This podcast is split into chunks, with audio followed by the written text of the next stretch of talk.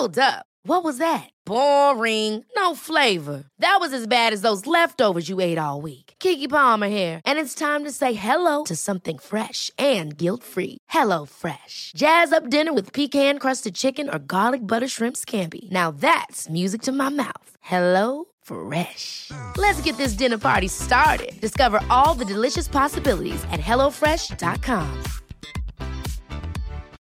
Millions of people have lost weight with personalized plans from Noom, like Evan, who can't stand salads and still lost 50 pounds. Salads, generally, for most people, are the easy button, right? For me, that wasn't an option. I never really was a salad guy. That's just not who I am. But Noom worked for me. Get your personalized plan today at Noom.com. Real Noom user compensated to provide their story. In four weeks, the typical Noom user can expect to lose one to two pounds per week. Individual results may vary. Even when we're on a budget, we still deserve nice things. Quince is a place to scoop up stunning high-end goods for 50 to 80% less than similar brands. They have buttery soft cashmere sweaters starting at $50, luxurious Italian leather bags, and so much more. Plus, Quince only works with factories that use safe, ethical, and responsible manufacturing. Get the high-end goods you'll love without the high price tag with Quince. Go to quince.com slash style for free shipping and 365-day returns. En ovanligt solig och varm fredagsmorgon i april 2005 så bestämde sig den 59-åriga allmänna åklagaren Ray Greekar för att unna sig en ledig dag från jobbet. Han hade mindre än ett år kvar att arbeta innan det var dags för den efterlängtade pensionen. Ray gav sig iväg på en dagsutflykt i sin röda Mini Cooper och ringde sin sambo på vägen. Men det här skulle senare visa sig vara den allra sista kontakten från Ray som aldrig kom hem igen. Hade någon från hans förflutna kanske bestämt sig för att hämnas på Ray eller tog han sitt eget liv? Led han av depression eller hade han levt med en mörk hemlighet i allt för många år? Det här fallet är fullt av osäkerhet, obesvarade frågor och framför allt vilda spekulationer.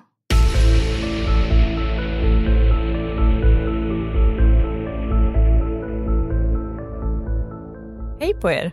Och varmt välkomna ska ni vara till ännu ett avsnitt av Rysapodden. Och den här veckan har det blivit dags för oss att återigen prata om ett väldigt förvirrande och på många sätt frustrerande fall. Nämligen försvinnandet av den 59-åriga åklagaren Ray Greekar. Ja, och som ni hörde här i introt så bestämde sig Ray en helt vanlig fredag för att skippa jobbet och istället åka på en liten biltur och kom sen aldrig hem igen. Efter det här kan man definitivt säga att Ray Greekars oförklarliga försvinnande har varit ett av de mest omtalade och omdiskuterade fallen i USA. Och framförallt i delstaten Pennsylvania där det inträffade. Ja, och i den här utredningen så har man verkligen tagit till alla tänkbara resurser för att kunna lösa det här fallet. Men än idag, drygt 15 år senare, så har man faktiskt ingen rimlig förklaring till vad som hände Ray och varför han försvann. Däremot så finns det en hel del spekulationer och teorier där vissa känns betydligt mer trovärdiga än andra. Och allt det här kommer vi såklart att komma in på lite senare i avsnittet. Men nu har vi ju faktiskt ett extra långt avsnitt att ta oss igenom, så jag tycker faktiskt att vi tar och sätter igång direkt här.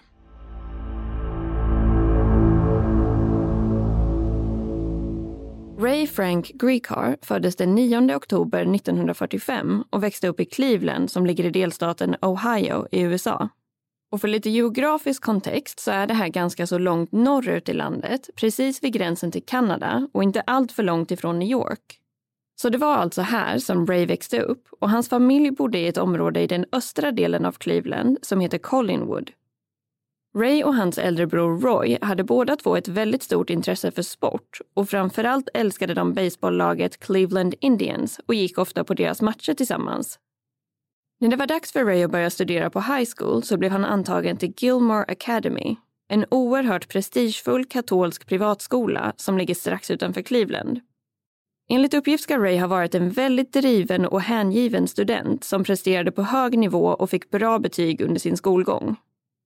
Efter sin high school-examen blev Ray antagen till University of Dayton som är ett privat katolskt universitet beläget i staden Dayton i Ohio.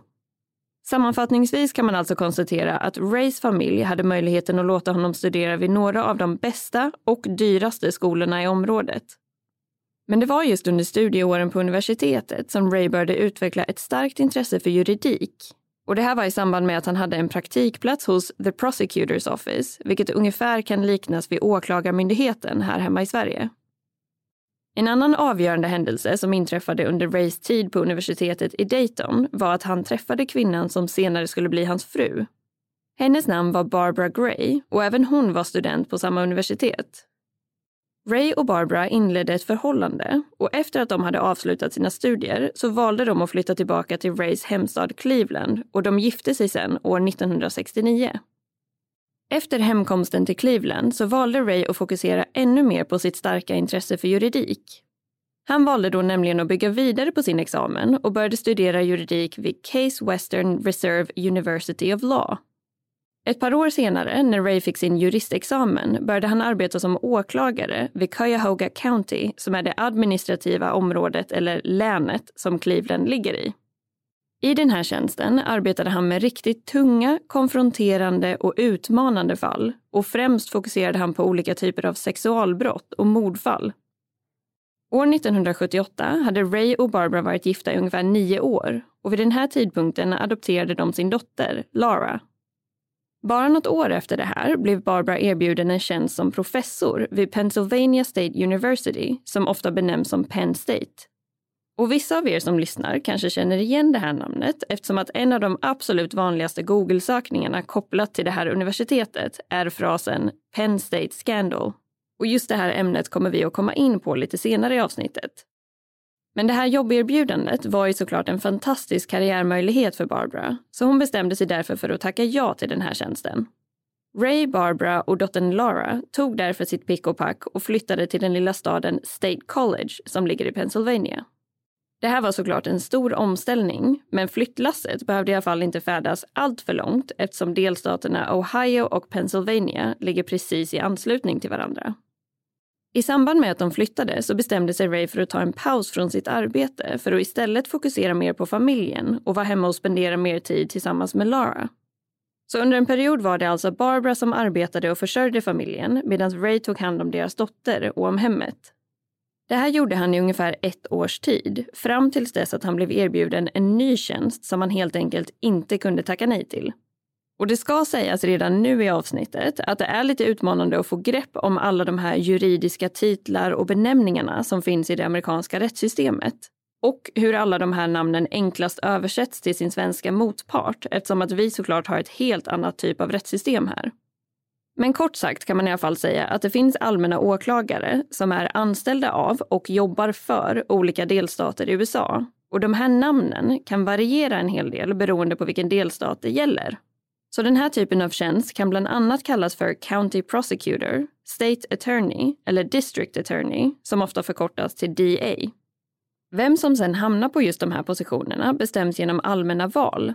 Så för att få jobba som allmänåklagare och representera en delstat så måste man alltså bli invald. Och den tjänsten som Ray blev erbjuden var då att arbeta för den dåvarande allmänna åklagaren David E. Grine. Det administrativa området, eller länet, som de ansvarade för var då Center County i Pennsylvania.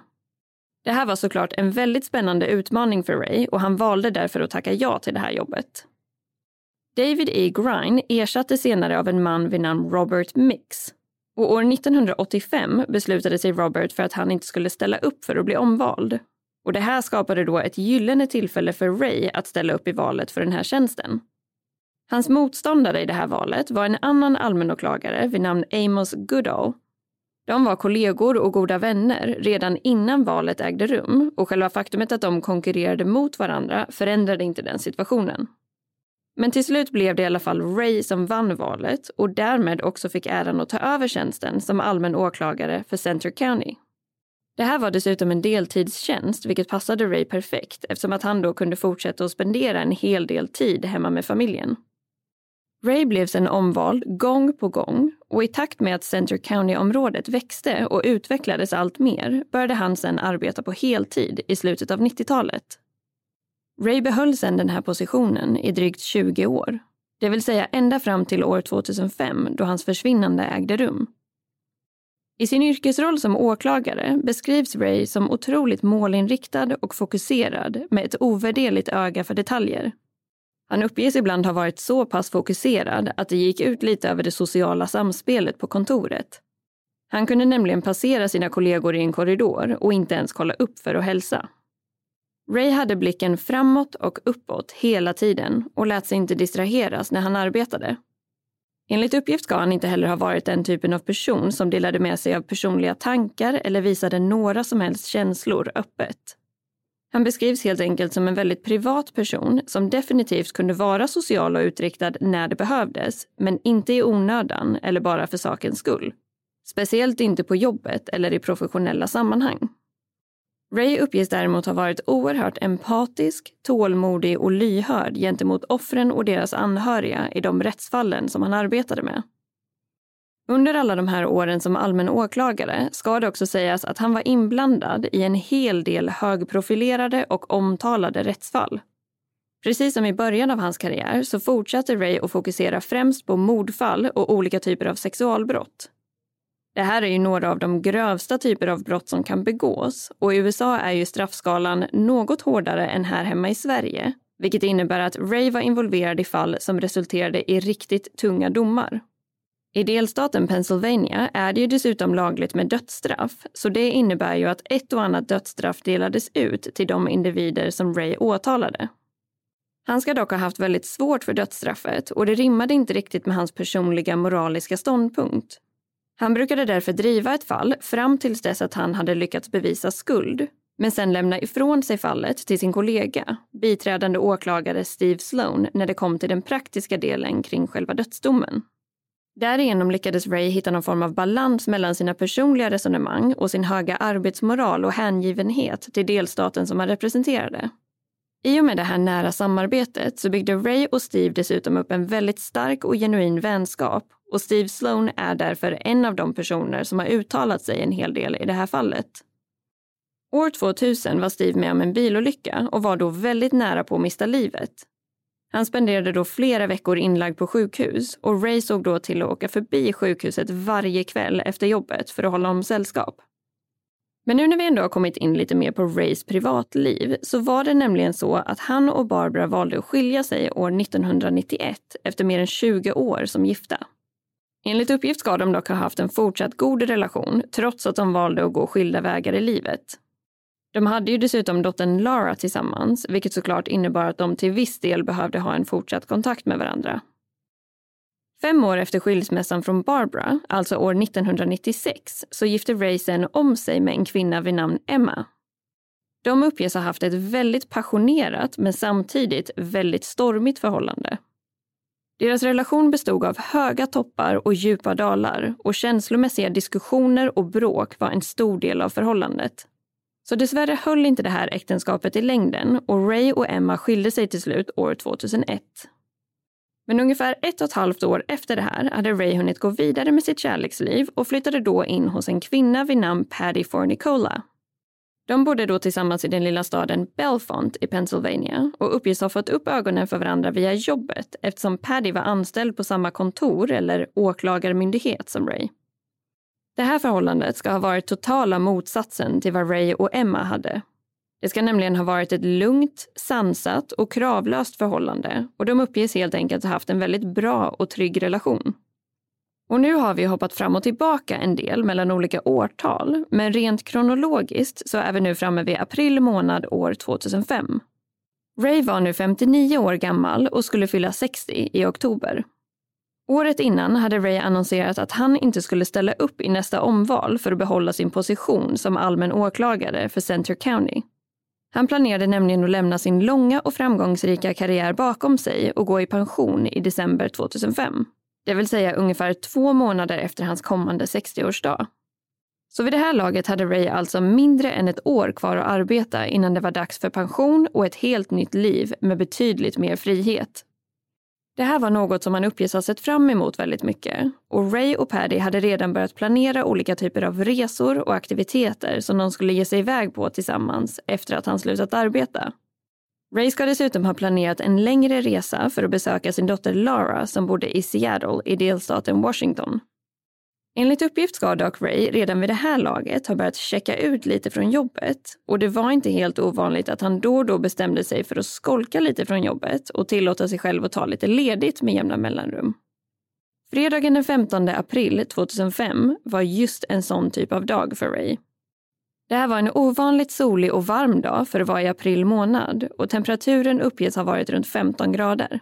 Helt enkelt vad de flesta av oss skulle beskriva som en alldeles perfekt dag för att inte jobba. Och det ska sägas att det finns en del motstridig information gällande om Ray bestämde sig för att vara ledig halva den här dagen eller hela dagen. Men utifrån vad vi har kunnat läsa oss till så ska Paddy och Ray ha vaknat upp den här fredagsmorgonen och Ray ska då ha sagt att han skulle ta ledigt halva dagen för att sen somna om medan Paddy åkte iväg till kontoret. Han ska sen senare under förmiddagen ha bestämt sig för att ta ledigt resten av arbetsdagen också. Och eventuellt kan ju det vara anledningen till att olika källor uppger olika information om just den här detaljen. Men det man med 100% säkerhet vet och har kunnat bevisa med hjälp av samtalshistorik från både Ray och Paddys mobiltelefoner är faktumet att han ringde upp Paddy vid klockan 11.30 den här dagen. Innan hon åkte iväg till jobbet ska hon ha lämnat en lapp till Ray där det stod att han skulle informera henne om han skulle åka iväg någonstans så att hon i sånt fall kunde åka hem runt lunchtid och gå ut med deras hund, Honey. När han ringde upp Harry vid 11.30 ska han då ha sagt att han hade bestämt sig för att ta ledigt resten av dagen också och att han dessutom hade bestämt sig för att åka iväg på en liten körtur och därför inte skulle ha möjlighet att gå ut med hunden. Enligt uppgift ska Ray nämligen ha gett sig iväg på små roadtrips då och då där han mest bara körde omkring och besökte närliggande platser. Så det var egentligen ingenting märkligt eller ovanligt kring den här dagen än så länge eftersom Ray brukade ta lite ledigt ibland och dessutom ge sig iväg på små körturer med bilen. Under det här telefonsamtalet sa Ray till Paddy att han körde längs med väg 192 och var på väg mot den lilla staden Lewisburg i Union County som också ligger i Pennsylvania.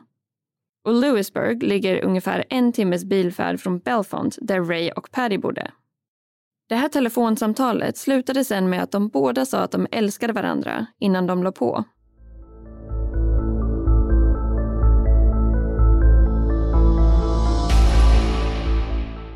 Själva faktumet att Ray befann sig längs med väg 192 har ju dessutom kunnat bekräftas med hjälp av samtalshistoriken från deras mobiltelefoner. Det var inte heller speciellt ovanligt för Ray att besöka just Lewisburg eftersom att bilresan dit bjöd på väldigt natursköna och imponerande vyer. Utöver det ska Ray ha haft ett stort intresse för antikviteter och i Lewisburg finns det ett väldigt populärt och charmigt gammalt köpcentrum som heter Street of Shops. Där säljs bland annat olika typer av hantverk, second hand, vintage och antikviteter. Så Ray ska därför ha åkt dit regelbundet för att strosa runt bland alla antikaffärer som fanns i området. Han ska inte ha sagt rakt ut att han skulle åka till just Street of Shops till Paddy, men hon visste ju fortfarande att han brukade besöka Lewisburg, bland annat av den här anledningen.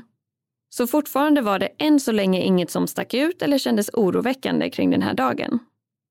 Det här förändrades dock när Paddy kom hem från jobbet vid ungefär fem på kvällen och insåg att Ray fortfarande inte hade kommit hem från sin dagsutflykt till Lewisburg. Hon hade inte hört något från honom under hela dagen och han hade inte nämnt något tidigare eller lämnat någon lapp och förklarat att han skulle komma hem ovanligt sent den här kvällen. Något som var ganska ovanligt och ur karaktär för Ray. Men Paddy ska då ha tänkt att han kanske hade blivit distraherad av någonting eller valt att stanna till för en bit mat på vägen hem. Hon begav sig därför till gymmet, men när hon återvände därifrån hade Ray fortfarande inte kommit hem. Efter flertalet obesvarade telefonsamtal började Paddy inse att någonting var väldigt fel. Det var inte likt Ray att bara försvinna och inte svara i sin telefon när hon ringde. Vid klockan halv tolv på kvällen valde Paddy därför att kontakta den lokala polisen i Belfont för att anmäla Ray försvunnen. Under det här larmsamtalet beskrivs Paddy ha varit oerhört stressad, frenetisk och rent av panikslagen, vilket man givetvis kan förstå. Ganska direkt efter det här åkte de jourhavande poliserna raka vägen hem till den dåvarande polischefen Dwayne Dixon. I en artikel från Penn Live, som är en lokal nyhetssajt i Pennsylvania, så citeras polischefen när han förklarar just det här ögonblicket. Han uppger då att de självklart hade varit med om olika typer av fall där personer försvunnit tidigare. Men inte på den skalan att polismän knackar på dörren till hans privata bostad sent en fredagskväll och förklarar att delstatens allmänna åklagare är spårlöst försvunnen. På grund av att Ray Greekar var en högt uppsatt statligt anställd så blev det här försvinnandet eskalerat till en helt annan nivå än om han hade varit en så kallad vanlig medborgare. Och det här kan man ju såklart ifrågasätta ur flera olika perspektiv eftersom alla liv och alla försvinnanden i teorin bör ha samma prioritet och tilldelas samma resurser oavsett vem individen är. Men dessvärre går det ju inte att blunda för faktumet att det inte alltid är så det går till och att det finns undantag. Och Rays försvinnande blev precis ett sånt typ av undantag. Polischefen valde i det här läget nämligen att undgå deras normala rutiner vid ett försvinnande. Han gav bland annat order om att hans kollegor omedelbart skulle höra av sig till andra polisstationer i närliggande områden och städer för att informera om Rays försvinnande och be dem att hålla utkik efter hans bil. Ray körde en röd Mini Cooper av årsmodell 2004 som alltså fortfarande var väldigt ny vid den här tidpunkten. En av anledningarna till att koppla in andra städer än Belfont var ju såklart eftersom att han tidigare under dagen hade sagt till Paddy att han körde längs med väg 192 mot Lewisburg. Så med stor sannolikhet kunde han ju fortfarande befinna sig där eller i något annat närliggande område längs med vägen. Och det här var ju fortfarande mitt i natten, men när det väl blev lördag morgon så hade man fortfarande inte sett eller hört något från Ray och hans bil hade inte setts till någonstans under natten heller. Vid den här tidpunkten kopplades så kallad State Police in i sökandet och det här innebar ju helt enkelt att man tog sökinsatserna till nästa nivå. Polisen i Belfont är ju en lokal styrka som täcker en viss stad eller kommun medan State Police täcker ett betydligt större område som oftast innebär en hel delstat.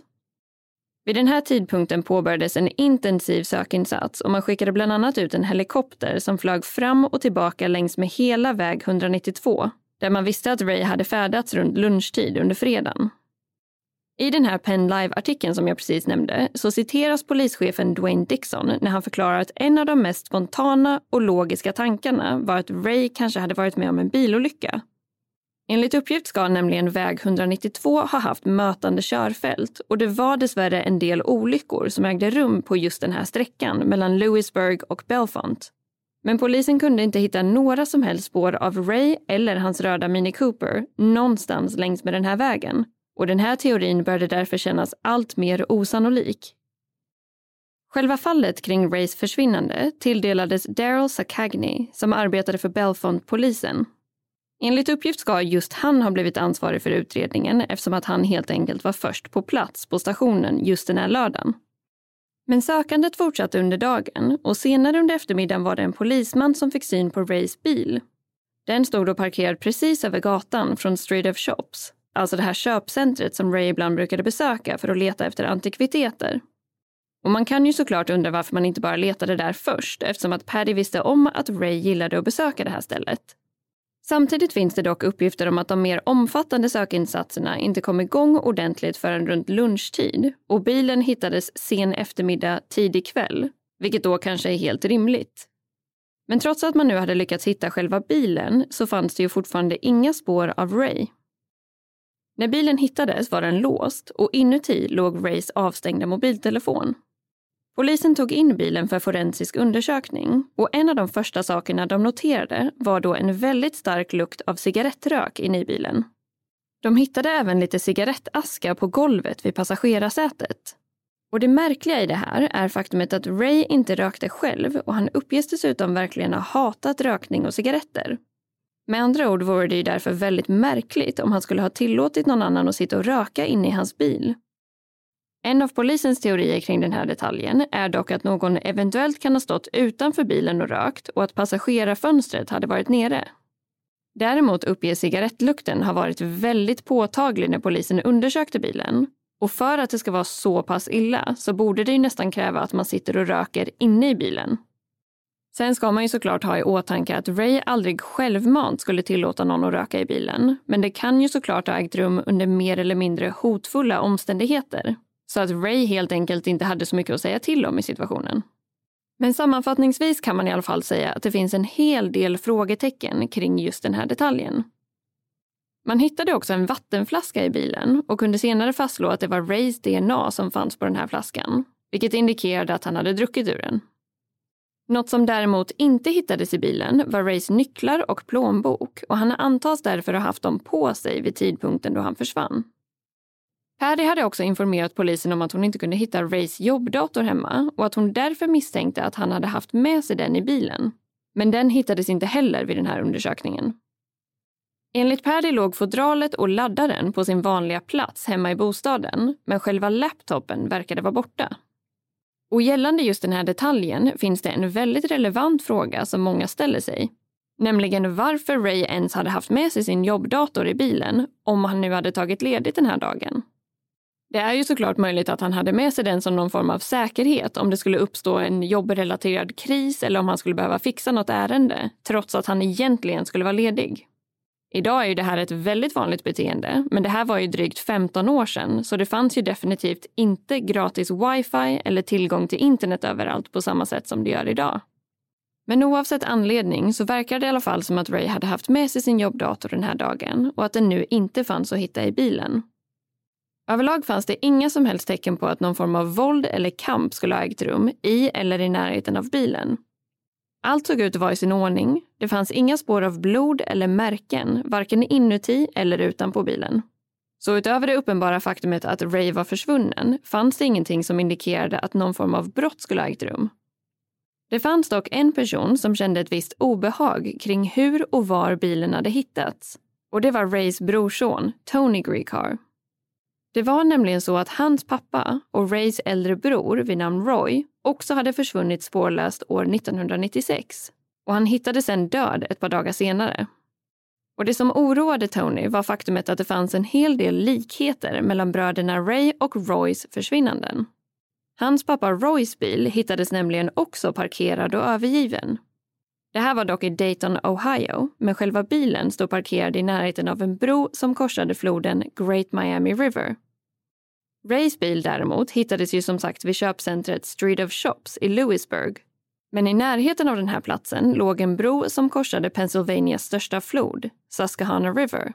Så det fanns ju definitivt vissa likheter. När Roy försvann hann polisen leta efter honom i ett par dagar fram tills dess att de hittade hans livlösa kropp i den närliggande floden. Det ska också ha varit allmänt känt att Roy hade lidit av oerhört svår och långvarig depression innan det här och hans fall rubricerades därför som självmord. I samband med att Tony informerade polisen om likheterna mellan Ray och Roys försvinnanden så valde de att initiera en enorm sökinsats i och runt omkring hela Susquehanna River.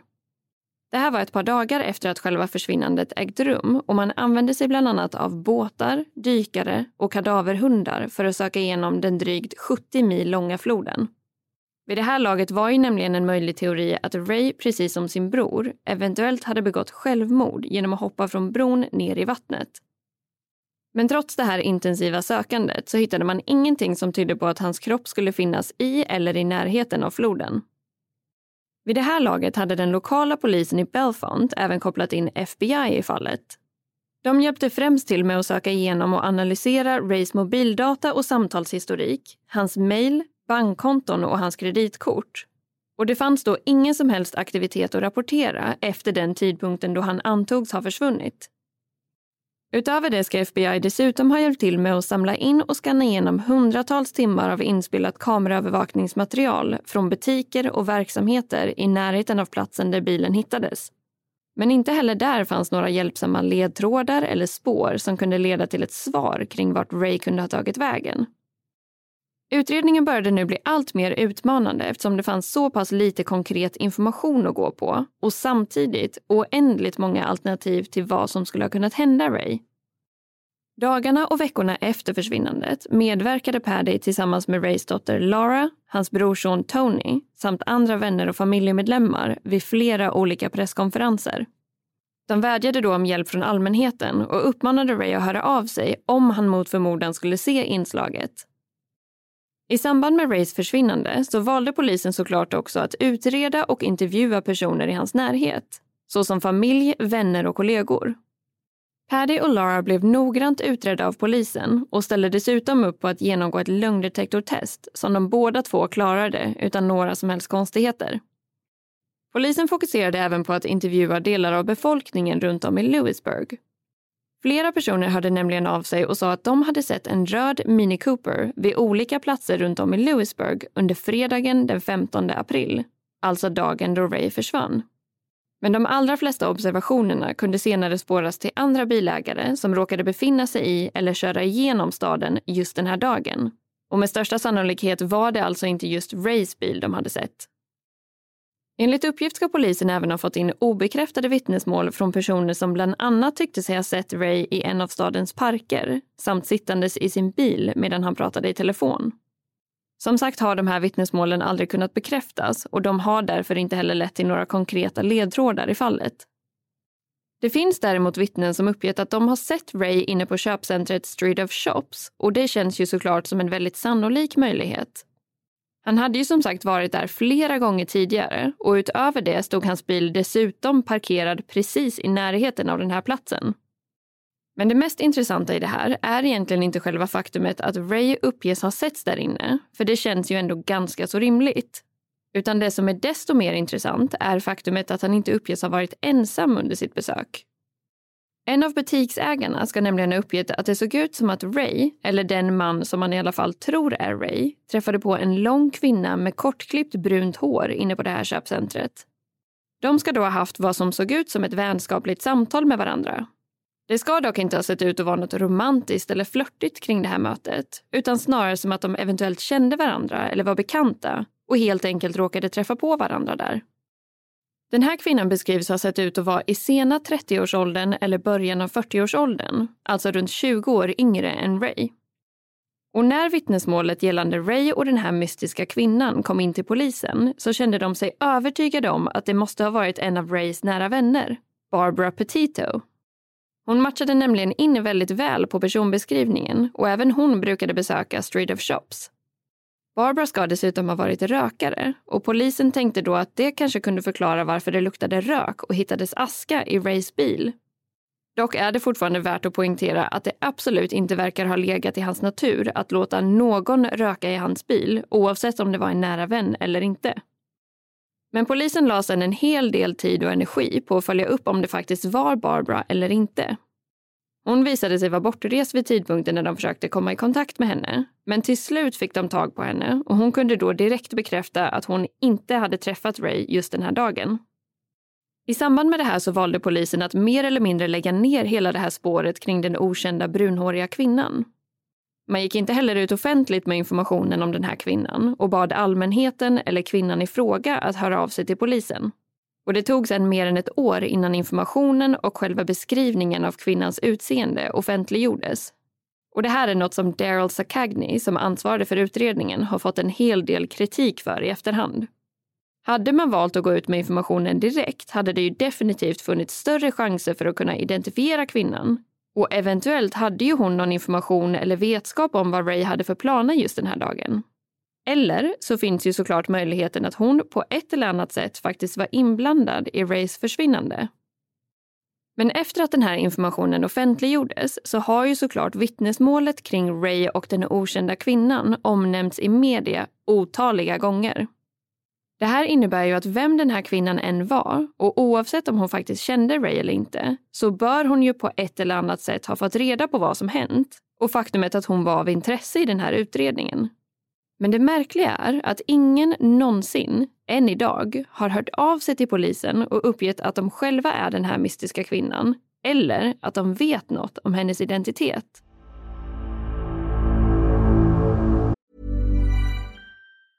Planning for your next trip?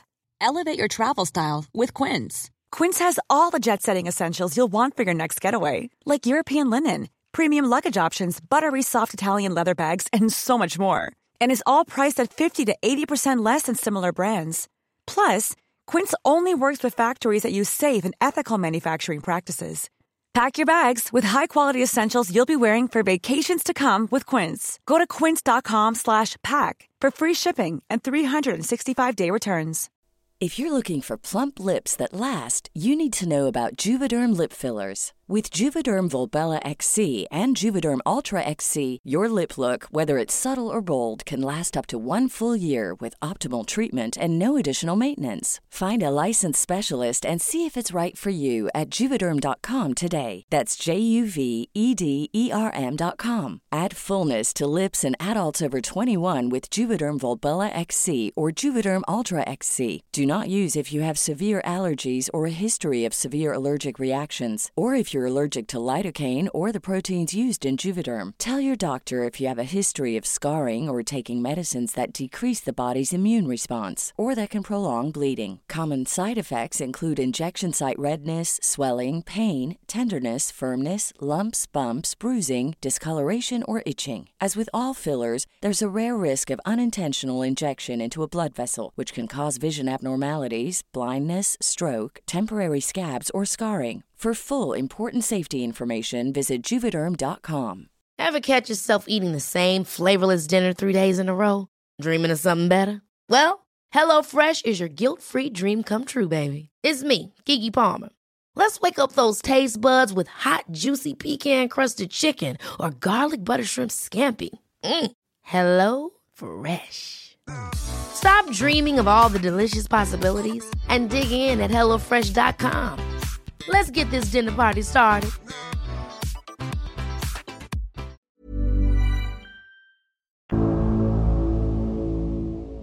När utredningen hade pågått i flera veckor utan några vidare framsteg så började polisen att använda sig av lite mer alternativa metoder.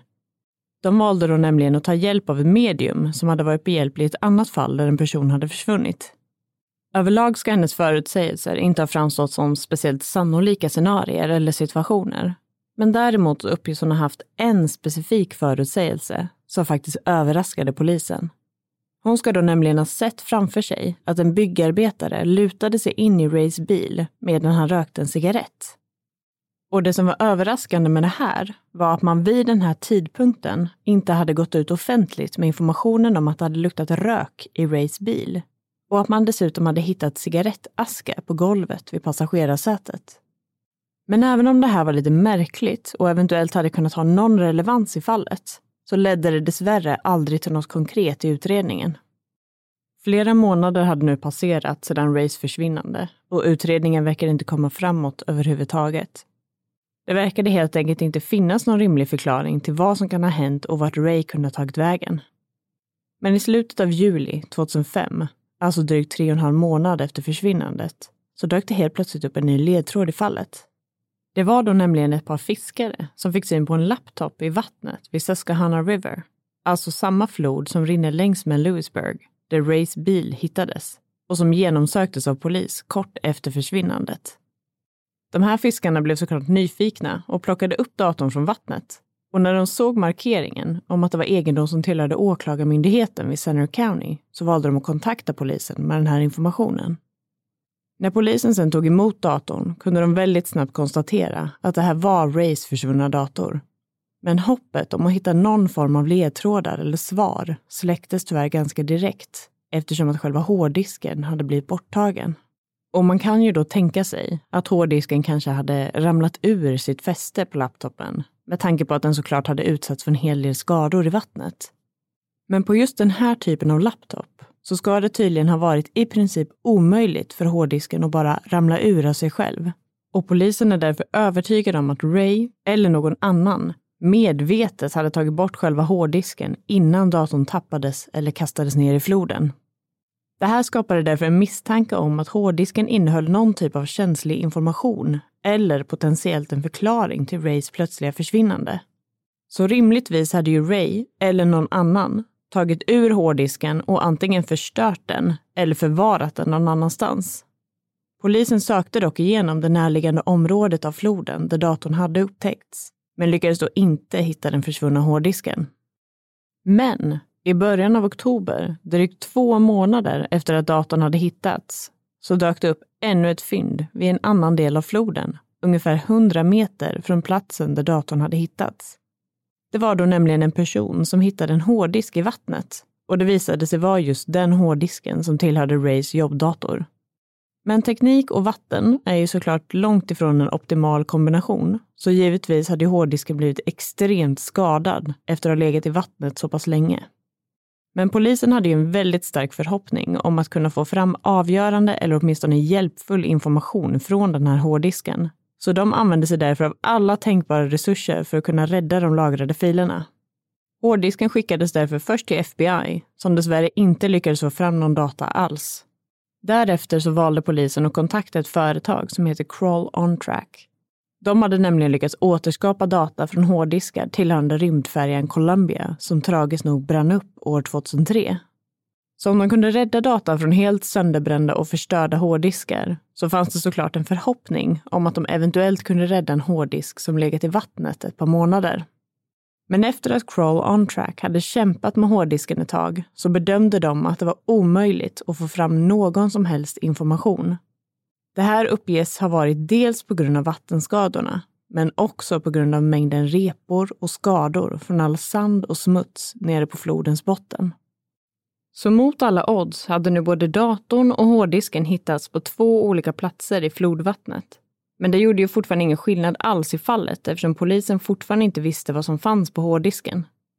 Det de här fynden bidrog till var däremot ännu fler spekulationer, tankar och teorier kring vad som kunde ha hänt Ray. Och framför allt vad den bakomliggande anledningen kunde ha varit. År 2009 så gick polisen i Belfont ut offentligt med information som hade upptäckts i ett tidigare skede av utredningen Nämligen att man hade hittat en hel del intressant sökhistorik på Ray och Pattys privata dator som de hade hemma. Bland annat ska någon ha sökt på fraser som hur man förstör en hårddisk, hur man raderar en hårddisk och vattenskador på en laptop. Det här ska då ha ägt rum innan Rays försvinnande. Och trots att det såklart skulle ha kunnat vara Patty eller någon annan som utfört de här stökningarna så känns det ju såklart mest troligt att det skulle ha varit Ray. Allt det här verkar ju såklart väldigt suspekt eftersom det var exakt det här som hände med Rays dator senare. Men det finns uppgifter om att Ray ska ha frågat runt bland sina kollegor på jobbet om hur man raderar eller återställer en hårddisk. Han hade ju trots allt planerat att gå i pension i slutet av samma år som han försvann, så det finns därför teorier om att han helt enkelt bara försökte förbereda sig för det. Eventuellt kunde han ju bara ha velat säkerställa att han inte skulle lämna någon känslig jobbrelaterad information efter sig när han väl lämnade sin tjänst. Däremot så känns det ju inte speciellt troligt att han skulle ha kommit fram till att den bästa lösningen på det här problemet skulle vara att kasta ner datorn och hårddisken i en flod. Speciellt också med tanke på att det var en jobbdator som han med största sannolikhet hade en skyldighet att lämna tillbaka när han slutade. Ray var ju dessutom en otroligt erfaren och kompetent åklagare som borde ha insett att folk skulle komma ihåg att han hade frågat om sånt där på jobbet och att utredare definitivt skulle kunna få fram sökhistoriken på hans privata dator. Så om han nu hade något att dölja så kan man ju undra varför han i sånt fall inte var mer försiktig i sin research kring att förstöra en hårddisk. År 2011, drygt sex år efter Rays försvinnande, så skickade hans dotter Lara in en ansökan om att hennes pappa skulle bli officiellt dödförklarad. Det här blev ju hennes beslut snarare än Pattys eftersom att Ray och Paddy inte var gifta vid tidpunkten för försvinnandet. Den här ansökan godkändes sen av en domare vid namn David E. Grine. Och det här namnet har ju kommit upp tidigare i avsnittet. För det var ju nämligen samma David E. Grine som tidigare arbetade som allmänåklagare för Senator County och som anställde Ray när familjen hade flyttat till Pennsylvania. En helt annan sak som inträffade år 2011 var något som brukade benämnas som the Penn State Scandal. Och även det här nämnde vi ju precis i början av det här avsnittet. Men det här var alltså en extremt omtalad skandal kopplad till Pennsylvania State University, där Rays första fru, Barbara, arbetade. År 2011 så blev nämligen Penn States tidigare assisterande fotbollstränare, Jerry Sandusky, gripen och åtalad för en mängd olika brott. Bland annat för innehav av barnpornografi samt sexuella övergrepp och våldtäkt mot barn. Och innan det här kom ut så var Jerry Sandusky verkligen en otroligt populär och hyllad tränare med en lång och framgångsrik karriär bakom sig. Han har dessutom skrivit och lanserat flera böcker om sina erfarenheter under åren som assisterande tränare. Jerry jobbade som fotbollstränare vid Penn State i drygt 30 år och pensionerade sig från den tjänsten år 1999. Utöver det så drev han även en välgörenhetsorganisation som han startade år 1977. Huvudsyftet med den här organisationen var att hjälpa utsatta och underprivilegierade barn och ungdomar i Pennsylvania.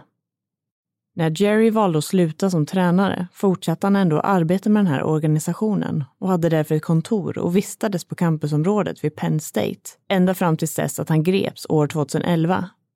Vid den här tidpunkten så var han 67 år gammal. Jerry Sandusky åtalades då för 52 fall av sexuella övergrepp som ägt rum under 15 års tid. Offren som trädde fram bestod av tio unga pojkar som Jerry främst hade träffat genom sin välgörenhetsorganisation. Med andra ord så var inte hans ambition att hjälpa utsatta barn, utan istället att sexuellt utnyttja och manipulera dem. Lyckligtvis var många av de här offren otroligt modiga och vågade vittna mot Jerry under rättegången. Det hela slutade därför med att han dömdes för 45 olika fall av sexuella övergrepp mot barn och 30 till 60 år i fängelse. Och man skulle definitivt kunna säga betydligt mer om de här fruktansvärda händelserna. Men vi tänker att den här informationen troligtvis borde räcka för att ni ska förstå själva situationen och vem Jerry Sandusky var. För nu kan jag tänka mig att ni sitter och funderar över vad allt det här har för koppling till Ray Greekar. Men det kommer att bli tydligt alldeles strax. Det var nämligen så att Jerrys beteende inte hade gått helt obemärkt förbi ända fram till år 2011. För redan år 1998 bestämde sig mamman till en av de utsatta pojkarna för att hon ville ställa Jerry Sandusky inför rätta. Hennes son ska nämligen ha berättat för henne att hans tränare Jerry hade varit naken i duschen tillsammans med honom och en annan pojke och då gjort en del olämpliga saker. Den här mamman kontaktade då polisen och tillsammans planerade de in att hon skulle åka hem till Jerry Sandusky och konfrontera honom om den här incidenten och att en polisman skulle befinna sig i närheten och spela in samtalet. Detta i hopp om att ett erkännande från Jerrys sida skulle kunna användas emot honom i rätten. De lyckades tyvärr inte få ett regelrätt erkännande ur honom, men däremot flera minst sagt suspekta och inkriminerande uttalanden. Den här pojken fick sedan träffa en psykolog som bedömde att hans uttalande var trovärdigt och att Jerry Sanduskys respons vid mammans konfrontation indikerade att han troligtvis var pedofil. Därefter analyserades samma information av en helt annan psykolog som då konstaterade den totala motsatsen. Polismannen som var involverad ska enligt uppgift ha rekommenderat och pushat för att Jerry Sandusky skulle åtalas men det här beslutet låg då hos den allmänna åklagare som hade blivit tilldelad fallet. Och det här var ingen mindre än Ray Greekar. När han blev tilldelad det här fallet så valde han alltså att inte väcka åtal och att ställa Jerry Sandusky inför rätta. Och själva anledningen och grunden till det här beslutet är än idag okänt. Många av hans kollegor är övertygade om att han valde att inte väcka åtal på grund av att han insåg att bevisföringen var bristande och att han därför aldrig skulle kunna vinna det här fallet om det gick till rättegång. Så det kan ju givetvis ha funnits helt logiska och rationella skäl till att han fattade det här beslutet och som är svårt för utomstående att förstå. Men hans kollegor har dessvärre aldrig kunnat hitta en enda anteckning från Ray gällande det här fallet. Det här är ju såklart väldigt synd, för det hade ju eventuellt kunnat bidra med någon form av resonemang eller förklaring till själva beslutet. För man kan ju såklart inte låta bli att fundera över hur det här hade kunnat sluta om Ray istället hade valt att väcka åtal mot Jerry redan år 1998. Om Jerry dessutom hade dömts till fängelse redan då så hade han ju troligtvis aldrig haft möjligheten att sexuellt utnyttja och traumatisera de här unga pojkarna under så pass många år som han faktiskt gjorde. Så när man tar del av information om Ray Greekars försvinnande så nämns i princip alltid Jerry Sanduskys namn, trots att man egentligen inte vet om det finns någon som helst koppling mellan de här två fallen. Men när informationen om Jerry Sanduskys gripande blev offentligt år 2011 så väcktes den mer eller mindre stillastående utredningen kring Rays försvinnande till liv igen. Det uppdagades då en hel del vilda teorier och spekulationer om att Ray på något vis skulle ha varit inblandad i härvan kring Jerry Sandusky och medvetet ska ha hjälpt till att lägga lock på hela den här skandalen genom att inte väcka åtal mot honom 1998.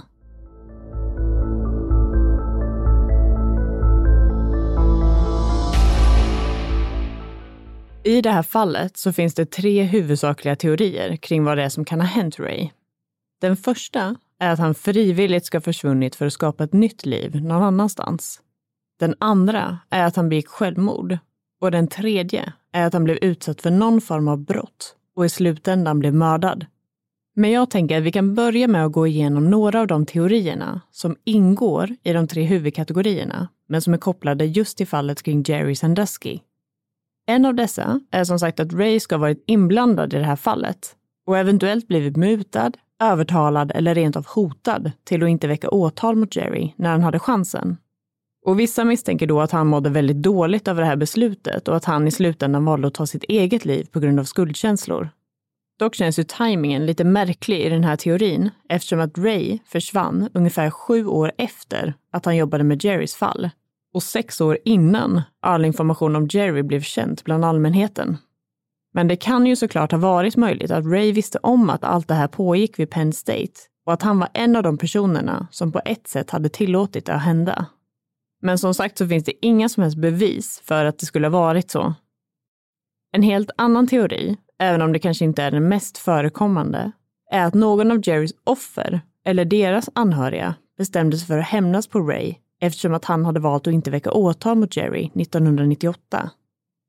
Sen finns det teorier som lutar åt andra hållet, nämligen att Ray visste att han skulle behöva mer bevis för att kunna sätta dit Jerry en gång för alla och att han under åren samlade på sig just detta. Kanske var det därför som han höll sina anteckningar så pass hemliga kring det här fallet och inte ville att något skulle komma ut. Vissa tror att Ray vid tidpunkten för försvinnandet höll på att bygga upp ett case gentemot Jerry Sandusky och att han helt enkelt var honom på spåren. Teorin är då att någon ska ha insett att Ray visste alldeles för mycket och att han därför började försvinna ur bilden. Med andra ord, att han mördades för att skydda Jerry och för att den här skandalen inte skulle få komma ut. Det skulle ju till exempel ha kunnat vara så att någon kontaktade Ray och sa att de hade information eller ett vittnesmål om Jerry och på så vis lurade ut honom till Lewisburg den här dagen. Eventuellt så kan det ju ha varit anledningen till att han hade sin jobbdator med sig eftersom att han ville sätta sig ner och skriva ihop sina anteckningar direkt efter ett potentiellt möte.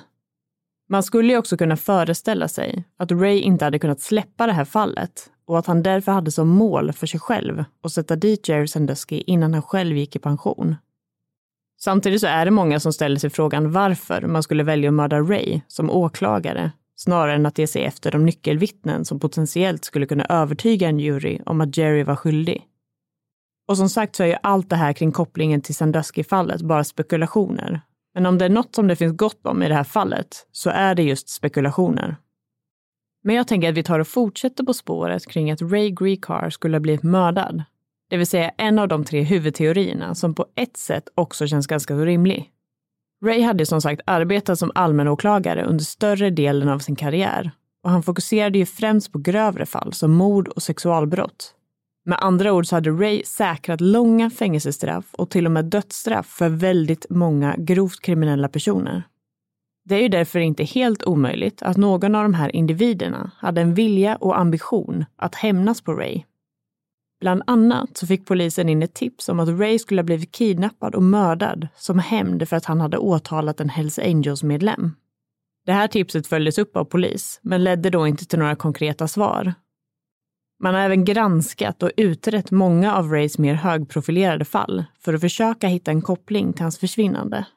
Men enligt uppgift så ska polisen aldrig ha haft tillräckligt med resurser för att kunna gå igenom och finkamma varenda fall som Ray jobbat med under årens gång.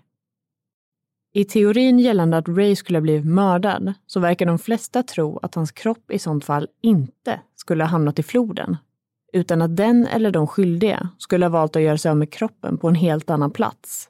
Och det här skulle i sånt fall kunna förklara varför hans kropp aldrig har hittats.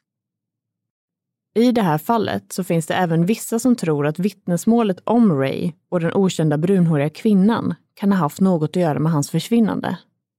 En teori kring det här är då att hon skulle ha agerat lockbete och på det viset lyckats lura iväg Ray till en annan plats där han sedan mördades. Men det här mötet kan ju såklart också bara ha varit ett helt oskyldigt och orelaterat samtal mellan två bekanta. Men om kvinnan faktiskt var inblandad i hans försvinnande så skulle ju det kunna förklara varför hon aldrig valt att träda fram eller kontakta polisen.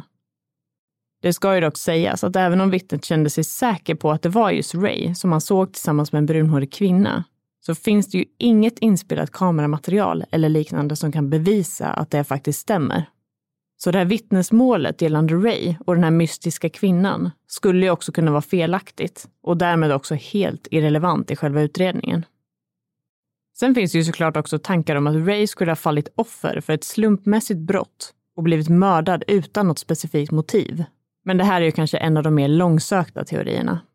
Bland annat eftersom det inte finns några som helst tecken på att han skulle ha blivit rånad eller att någon form av kamp skulle ha ägt rum i eller i närheten av den övergivna bilen. Sen kommer vi till teorin om att Ray skulle ha begått självmord. Och det finns ju absolut en hel del saker som pekar på att det skulle ha kunnat vara så. Många misstänker nämligen att han eventuellt led av depression och att hans mående slutligen drev honom till att ta sitt eget liv precis som hans äldre bror Roy gjorde flera år tidigare. Den här teorin växte sig allt starkare när Paddy informerade polisen om att Ray hade varit ovanligt trött under en period innan själva försvinnandet. Han ska då ha sovit ovanligt mycket och tagit tupplurar flera gånger om dagen, vilket han aldrig hade gjort innan. Just trötthet kan ju nämligen ibland vara ett tecken på just depression. Det ska till och med ha varit så pass illa att Paddy hade uppmanat Ray att besöka en läkare för att säkerställa att han var frisk och inte hade drabbats av någon sjukdom som orsakade den här tröttheten. När polisen fick tillgång till hans läkarjournaler kunde de dock inte hitta någon information om att han nyligen hade varit på läkarbesök eller att han hade sökt hjälp för depression eller psykisk ohälsa överlag. Däremot så uppges ju Ray ha varit en väldigt privat person så eventuellt så kanske han mådde väldigt dåligt, men försökte ta hand om det själv bäst han kunde. Och det är ju inte alltid den bästa lösningen, även om många tyvärr intalar sig det. Men utöver tröttheten så finns det ingen i Rays närhet som verkar ha noterat att han skulle ha mått dåligt och snarare tvärtom så upplevde många att han befann sig på en väldigt bra plats i livet. Han hade mindre än ett år kvar att arbeta innan han skulle få ta del av en minst sagt förmånlig pension han och Patty uppges ha haft ett bra och stabilt förhållande och såg fram emot att resa och upptäcka nya saker tillsammans när han gick i pension. Ray hade som sagt även planerat in en längre resa för att hälsa på sin dotter Lara och spendera tid ihop med henne. Enligt Lara själv så ska de ha haft en väldigt nära far och dotterrelation trots att de bodde på olika platser. Hon har uppgett att de brukade spendera flera veckor tillsammans varje år och att de regelbundet höll kontakt via telefon. Men som alltid när det gäller psykisk ohälsa så kan man ju aldrig veta hur en person faktiskt mår på insidan. Och trots att saker och ting verkade bra utåt sett så kan man ju omöjligt veta vad Ray gick igenom och hur hans mentala hälsa och mående var vid tidpunkten för försvinnandet. Om det var så att Ray valde att ta sitt eget liv den här dagen så skulle ju det eventuellt kunna förklara att hans dator och hårddisk hittades i den närliggande floden han kanske helt enkelt ville göra sig av med den eftersom att han var en väldigt privat person som inte gillade tanken av att någon skulle sitta och gå igenom hans dator efter hans död. Eller så kan det ju som sagt ha funnits extremt känslig eller rent av förgörande information sparad på den här hårddisken och att han inte ville riskera att det skulle komma fram efter hans död. Det här skulle eventuellt också kunna förklara sökhistoriken på Ray och Paris hemdator om att förstöra en hårddisk och vattenskador på en hårddisk. Men det som talar emot det här är ju att han måste ha förstått att det skulle startas upp en utredning efter hans plötsliga försvinnande och att det därför var möjligt att polisen skulle söka igenom floden i närheten av där hans bil hittades. En annan sak som talar emot att Ray skulle ha begått självmord genom att hoppa ner i floden är också faktumet att man aldrig har hittat hans kropp. Polisen genomförde ju en extremt omfattande sökinsats dagarna efter hans försvinnande, men hittade då ingenting alls. Enligt uppgift så ska flodvattnet i Susquehanna River ha varit ovanligt lågt just det här året. Och av den anledningen så är många övertygade om att hans kropp med största sannolikhet borde ha hittats vid det här laget. Sen finns det ju andra som hävdar att hans kropp i teorin faktiskt skulle ha kunnat försvinna eftersom det finns vissa delar av floden där den skulle ha fastnat och förstörts helt. Ray ska också vid flera tillfällen ha yttrat sig om att han var övertygad om att hans äldre bror Roy inte tog sitt eget liv, utan snarare att någon annan gjorde det. Den största anledningen till den här teorin ska då ha varit att Ray var helt säker på att Roy aldrig någonsin skulle välja att lämna sina två söner bakom sig. Så vissa är därför övertygade om att Ray aldrig skulle kunna göra just det mot sin egen dotter Lara, som han älskade så otroligt mycket. Men psykisk ohälsa är ju dessvärre oftast varken logisk eller rationell. Så givetvis skulle han kanske ha kunnat göra det om han mådde fruktansvärt dåligt och bara ville att livet skulle ta slut. Vissa av Rays anhöriga och kollegor har dock ifrågasatt teorin kring självmord eftersom att de tror att han i sånt fall skulle ha velat lämna någon form av brev eller information efter sig till Patty och Laura. Och framför allt att han skulle vilja att hans kropp skulle kunna hittas så att hans anhöriga i alla fall skulle veta vad som hade hänt och inte behöva undra över vart han tog vägen. Många tror helt enkelt att om Ray hade valt att ta sitt eget liv så känns det som att han hade valt att göra det på ett helt annat sätt. Sen har vi då den tredje huvudteorin i det här fallet, nämligen att Ray skulle ha planerat sitt eget försvinnande i syfte att fly iväg från allt och kanske starta upp ett helt nytt liv någon annanstans. I den här teorin så nämns ofta den brunhåriga kvinnan och att hon och Ray eventuellt hade en affär eller att de möttes upp den här dagen för att hon skulle hjälpa Ray att ordna med en ny legitimation eller liknande. Vissa tror också att anledningen till att han ville förstöra hårddisken på sin dator var att han inte ville lämna någon information bakom sig om sina nya framtidsplaner. Men den här teorin brukar oftast rankas som den minst troliga eftersom det finns otroligt mycket som talar emot att det skulle ha varit så det gick till. Ray verkade som sagt befinna sig på en väldigt bra plats i livet och om han hade velat försvinna utan att lämna ett enda spår efter sig så hade han troligtvis kunnat göra bättre ifrån sig än så här. Varför skulle han till exempel välja att parkera och lämna sin bil precis utanför ett köpcentrum som Perry och andra i hans närhet visste att han brukade besöka? Det är ganska uppenbart att polisen tids nog skulle hitta bilen och börja leta efter honom. Han tog inte heller med sig någon väska med kläder eller andra tillhörigheter hemifrån. Och inga av hans bankkonton eller kreditkort har använts sedan den dagen han försvann. Det finns dock spekulationer om att Ray i hemlighet ska ha hamstrat undan pengar som han planerade att leva på efter sitt försvinnande. Han tjänade nämligen väldigt mycket pengar och somliga anser att summan som fanns på hans sparkonto därför borde ha varit betydligt högre än den var. Ray ska nämligen inte ha haft speciellt många andra tillgångar som var värda mycket pengar, så vissa funderar därför på vart resten av hans inkomst egentligen tog vägen. Vid en tidpunkt så hade polisen till och med tankar om att Ray på något sätt kanske hade lyckats ta sig till Europa och befann sig i Slovenien. Han hade nämligen varit där flera gånger innan eftersom att han hade släkt där. Polisen, Matt Ricard, som tog över utredningen efter Daryl Sacagney år 2007, valde därför att samarbeta med den internationella polisorganisationen Interpol för att dela ut flygblad och sprida information om Rays försvinnande runt om i Slovenien. Men det här ledde dessvärre aldrig till några nya ledtrådar. En annan sak som ofta kommer upp kopplat till den här teorin är faktumet att Ray ska ha haft ett väldigt starkt intresse för ett fall kring en polischef vid namn Mel Wiley som försvann spårlöst år 1985. Personer i Rays närhet ska ha trott att han tyckte att det var extra intressant eftersom det hände i närheten av hans hemstad Cleveland.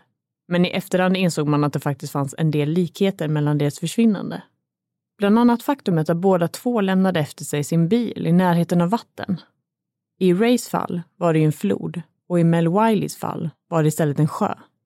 Så om det inte finns någon direkt koppling så är det i alla fall intressant att Ray själv skulle komma att försvinna på ett liknande sätt. Polisen har under årens lopp fått in otaliga mängder av tips och idéer från allmänheten och personer som tycker sig ha sett Ray på olika platser. Allt ifrån att han ska ha befunnit sig i Texas till att han ska ha suttit i publiken under en inspelning av The Oprah Winfrey Show. Och givetvis så finns det möjlighet att Ray av någon anledning valde att lämna sitt gamla liv bakom sig och att han fortfarande är vid liv idag. Men överlag så får man verkligen anstränga sig lite extra för att kunna rationalisera just den här teorin. En sak som också är väldigt oklar, oavsett vilken teori man tenderar att luta mest åt, är ju hur, när och framförallt varför Rays dator och hårddisk hamnade i floden. Var det Ray själv som slängde i dem? Eller var det någon annan som gjorde det? Det finns helt enkelt otroligt många oklarheter i det här fallet som gör att ingen av de huvudteorierna känns helt rimlig eller sannolik. Än idag så är det här fallet rubricerat som ett olöst försvinnande och det är fortfarande aktivt trots att Ray Greekar blev officiellt dödförklarad redan 2011. År 2018 så togs utredningen över av Dana Martini som fortfarande tar emot tips och information om fallet som regelbundet följs upp. På grund av att det är ett aktivt fall så kan polisen däremot inte kommentera kring mer specifika detaljer än så. Men med tanke på att det nu har gått mer än 15 år sedan dagen då Ray försvann så ser det tyvärr inte speciellt ljust ut. Men eftersom fallet inte har blivit nedlagt än så finns ju såklart fortfarande en förhoppning om att man en vacker dag ska få veta sanningen kring vad som faktiskt hände Ray den där soliga fredagen i april 2005.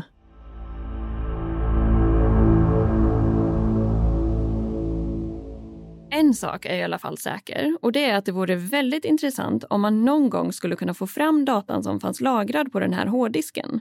Givetvis har ju polisen såklart redan försökt lösa det här och dessutom använt sig av alla tänkbara resurser utan att lyckas. Men tekniken utvecklas ju hela tiden, så någon gång i framtiden kanske det dyker upp ett helt nytt och revolutionerande sätt att återskapa data från exempelvis en hårddisk i ett så pass dåligt skick som den här befann sig i.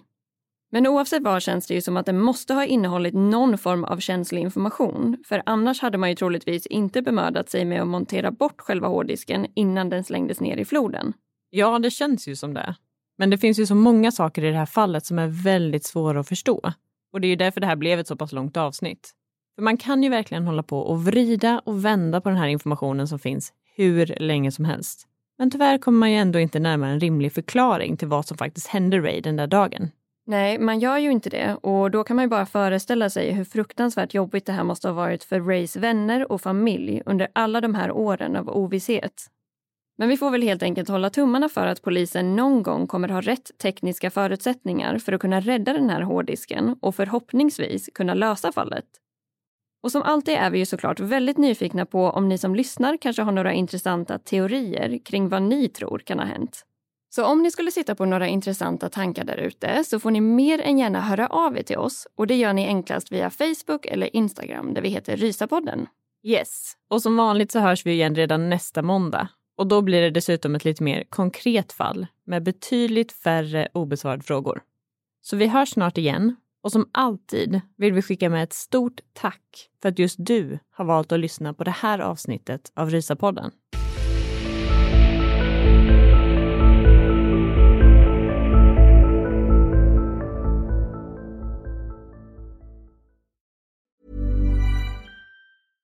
Hey, it's Paige DeSorbo from Giggly Squad. High quality fashion without the price tag. Say hello to Quince. I'm snagging high-end essentials like cozy cashmere sweaters, sleek leather jackets, fine jewelry, and so much more. With Quince being 50 to 80% less than similar brands. And they partner with factories that prioritize safe, ethical, and responsible manufacturing. I love that. Luxury quality within reach. Go to quince.com slash style to get free shipping and 365 day returns on your next order. Quince.com slash style. Hold up. What was that? Boring. No flavor. That was as bad as those leftovers you ate all week. Kiki Palmer here, and it's time to say hello to something fresh and guilt-free. Hello Fresh. Jazz up dinner with pecan-crusted chicken or garlic butter shrimp scampi. Now that's music to my mouth. Hello Fresh. Let's get this dinner party started. Discover all the delicious possibilities at hellofresh.com. Even when we're on a budget, we still deserve nice things. Quince is a place to scoop up stunning high-end goods for 50 to 80% less than similar brands. They have buttery soft cashmere sweaters starting at $50, luxurious Italian leather bags, and so much more. Plus, Quince only works with factories that use safe, ethical, and responsible manufacturing. Get the high-end goods you'll love without the high price tag with Quince. Go to quince.com/style for free shipping and 365-day returns.